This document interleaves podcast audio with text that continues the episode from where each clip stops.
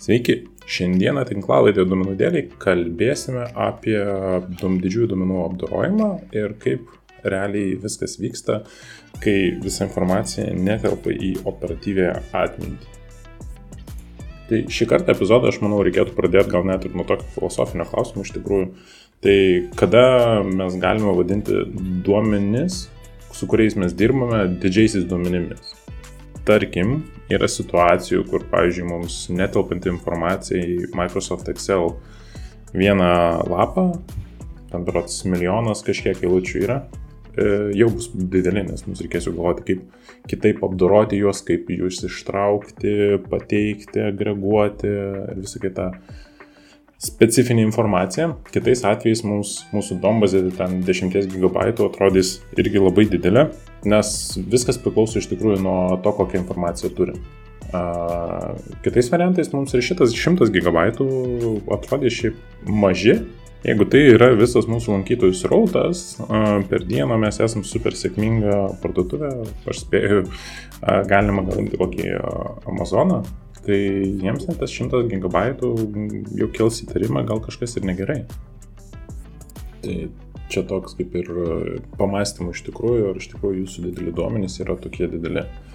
Tai bendrai paėmus buvo daryti tyrimą ir skaičiavimą iš tikrųjų, kiek duomenų pasaulyje bus iš visų prigeneruota vienu ar kitu laikotarpiu, tai tarkim buvo spėjimai, tokie estimavimai, kad iki 2020 pabaigos bus kažkur apie 44 zetabaitus, o 25 duomenų, kiek per dieną bus iš tikrųjų sugeneruojama, tai bus kažkur 463 egzabaitai per visą pasaulį.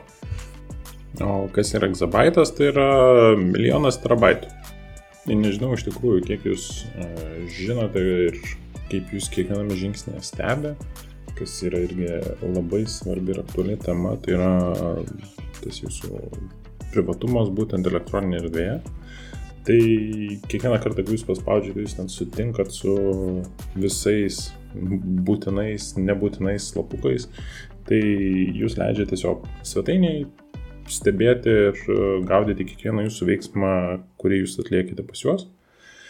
Tai spaus, visi mygtuko paspaudimai, kažkokie kursorius pavedimai žemyn ar ten paslinkimai puslapio aukštyn žemyn, jūsų praleistas laikas puslapyje, visa tai yra sekama ir visa šita informacija yra tiesiog siunčiama atgal į būtent serverius, kurie yra vėliau apdorojami.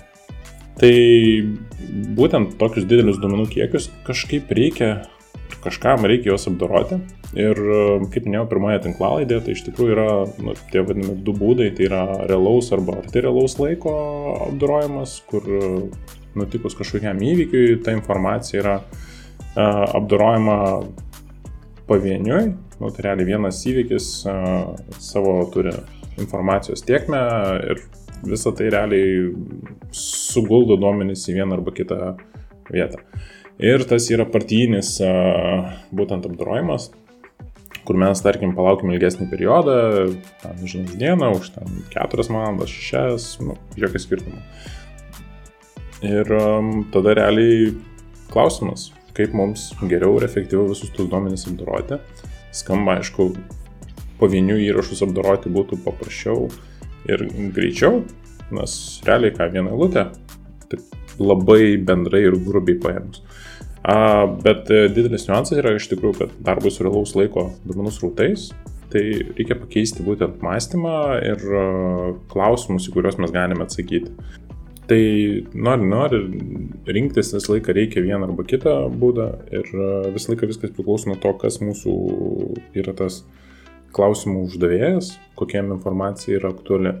Tai jeigu tai yra programuotas, dažniausiai jiems realaus laiko pilnai užtenka, kas šiaip dirba arba susidūrė su programuotojais, tai pas juos realiai viskas yra realių laiku, siunčia informaciją į vieną arba kitą įrankį ir tada atsivaizduoja būtent kiek tų buvo įvykių, ar nenukrito jų kiekis, ar jų santykis tas, tarkim, sėkmė, sėkmės, sėkmės rodiklis yra pakankamai aukštas, ar tam tikrų duomenų apdorojame arba tam tikroje vietoje puslapyje nenukrito vartotojų paspaudimų skaičius vienaip ar kitaip. Tai jiems plus minus dažniausiai laiko užtenka realaus laiko, bet um, su duomenų analitika, kas esate susidūrę, tai labai, labai maža dalis visų šitų užklausų arba klausimų um, sudėtingų ateina iš būtent programuotojų. Dažniausiai ateina viskas iš vadovybės ir ten jau priklauso kompleksiškumas. Tai tarkim, man mes norim palyginti, kiek pernai buvo pas mus aktyvių vartotojų tam tikrą mėnesį, lyginant su šiuo, kiek buvo skirtingų, kiek apsilankė žmonės per dieną ir krūva kitokių metrikų. Paskirstas skaičiavimas, terminas bendrai paėmus apima labai plačiai, bet šioje vietoje aš užkabinsiu labiau, kodėl jis svarbus yra duomenų apdorojime ir jo pagrindiniai pliusai tai yra būtent tas išplečiamumas, tai yra pridėti daugiau papildomų mašinų paraleliai, kurios galėtų pagerinti greitaveiką, e, tą vadinamą atsparumą, kad e, realiai vienam procesui nesėkmingai nutrūkus informaciją gali apdoroti kitas. Ir kartu būtent e, kainos efektyvumas, kad realiai mes galim labai greitai pridėti ir panaudoti tik tai tad, tada tų resursų, kada mums jų iš tikrųjų reikia. Tai ką aš dabar papasakosiu, tai iš tikrųjų nėra mano originalus dalykas, nežinau, kiek jūs esate susidūrę, kiek esate girdėję apie šitą mistinį žvėrį pa, paskirstą skaičiavimą arba angliškai distributed computing, tai iš tikrųjų e, tiesiog yra metodas arba paradigma, kaip efektyviai ir užtikrintai paskirsti darbus vienaip ar kitaip, kad jie būtų vykdomi lygiai grečiai, kas padėtų mums pasiekti norimą greitaveiką. Tai būtent paaiškinimą, kurį aš čia minėsiu apie tokį saldainiukų skaičiavimą, tai išgirdau aš iš tikrųjų, kai buvau vienoje konferencijoje, ten per mokymus, labai gražiai pasakoju, aš toks buvau apšalęs iš tikrųjų, kad taip paprastai galima pakankamai sudėtingą temą paaiškinti net ir, kaip sakant, mažesniems vaikams, arba tas angliškas terminas explain like I'm 5.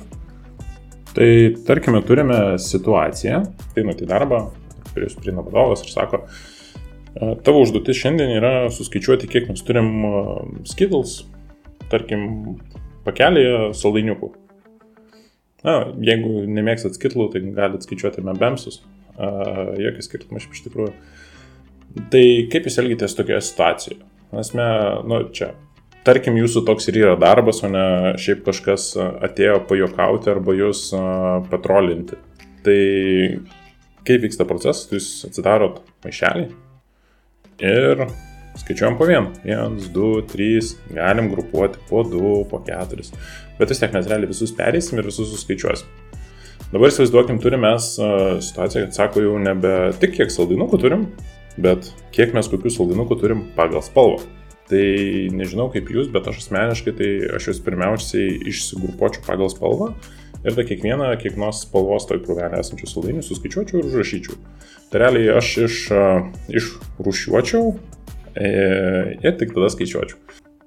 E, pastabėlė tokia, tai kad grupavimas iš tikrųjų yra smarkiai naudojamas ir e, visuose šituose skaičiavimuose, tai yra vienas iš būdų tiesiog efektyviau persidėlioti duomenis į skirtingas vietas, kad patogiau juos pasimti. Tai galima įsivaizduoti tas pats, kad išsirušiuojame mes dokumentus po skirtingus stalčiukus, e, vien tik tam, kad greičiau ir efektyviau vėliau juos surastumėm ir suskaičiuotumėm arba kažką kitą padarytumėm su jais. Tai angliškai šis terminas e, vadinasi shuffling. Dabar e, gerai, vieną pakelį tai atrodo taip labai primityvu suskaičiuoti, labai paprasta.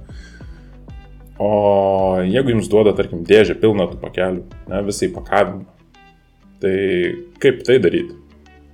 Pats, aišku, geriausias, tai jeigu turi draugų, tikiuosi turit, tai galite juos pasikviesti ir pasidalinti pakeliais ir pradėti darbą. Tai va, realiai, kaip minėjau, galima pasidalinti pakeliais, galima visi ima po vieną, suskaičiavę savo dalį, ima naują ir vėl skaičiuoja ir žiauriai daug. Taip, kiekvienas tada atlikęs savo darbą, surašo tą informaciją ant lapelio, nu, arba į atmintį, jeigu jam telpa ir teisingai atsimins ir sudėlios viską. Ir perdoda kažkuriam vienam kitam asmeniui, kuris vėliau tą informaciją visą sugriuvo surinkti. Tai bendrai paėmus, jeigu mes turim Um, taip, grubiai šimtą pakelių vienoje dėžėje ir vieno pakelio informacija mums užtrunka suskaičiuoti ten per minutę. Uh, ir turim 10 draugų, tai jeigu visi plus minus apylygiai skaičiuojam, tu, tai mes ir užtruksim kiekvienas, tarkim, iš 10 draugų gaus po 10 maišelių, tai pakelių tų ir gausis, kad mes iš viso užtruksim kažkur apie 10 minučių. Uh, Čia neįvertinant to, kad mums dar reikėtų tuos šimtą lapelių arba tų dešimt lapelių, priklausomai kaip mes rinksimės, suskaičiuoti ir sugriuoti pagal spalvas. Na, bet grubiai 10, nu, plus minus 11 minučių užtrunka visas procesas. O jeigu mums vienam reikėtų daryti, tai šitas pakankamai užtęstų, ne? Iš tos 10-11 minučių mums kaip minimum 100 minučių. Tai būtent labai gerai čia yra apibūdinimas, kaip paskiršius darbus pakankamai tolygiai, lygiai grečiam apdorojimui, gauname beprotiškai didelę naudą būtent iš greita veikos pusės. Bet dabar, pavyzdžiui, nutinka taip, kad e, į tuos pakelius mūsų saldainiai pagal spalvas įkrenta atsitiktinai. Tai gali būti, kad vienam pakeliai nutiks, kad visi bus tik tai geltoni, kitam bus pusė geltonų, pusė žalių, o trečiam ten visų spalvų bus po lygiai. Tai realiai net ir išgrupuoti juos pagal spalvas užtruks daugiau priklausomai nuo kiekvieno pakelio. Kitas dalykas, kiekviename pakelį mes galime turėti dar ir paklaidą svorio, tai realiai vienose pakeliuose bus daugiau saldainukų, kitur mažiau. Tai bendrai šitas dalykas vadinasi duomenų asimetriškumas arba skiūnės. Ir dėl tokių nutikusių scenarijų, kai kur duomenų apdorojimas gali užtrukti tikrai nepolygiai. Vienais atvejais labiau pasiseks ir mes greičiau suskaičiuosim, kitais atvejais užtruks labai ilgai, nes labai labai mums nepalankus pasiskirstimas. Ir tarkime, pasitaikė dalinantis pakelius, vienas super mega pakelis, kuriame bus ten du kartus daugiau saldainių. Tai faktas, kad mūsų iš tos pirminės prielaidos, kad mums vienam pakeliu užtrunka vieną minutę, šioje situacijoje nebegalioja ir mes tiesiog ilgiau užtruksime atlikti šitą darbą.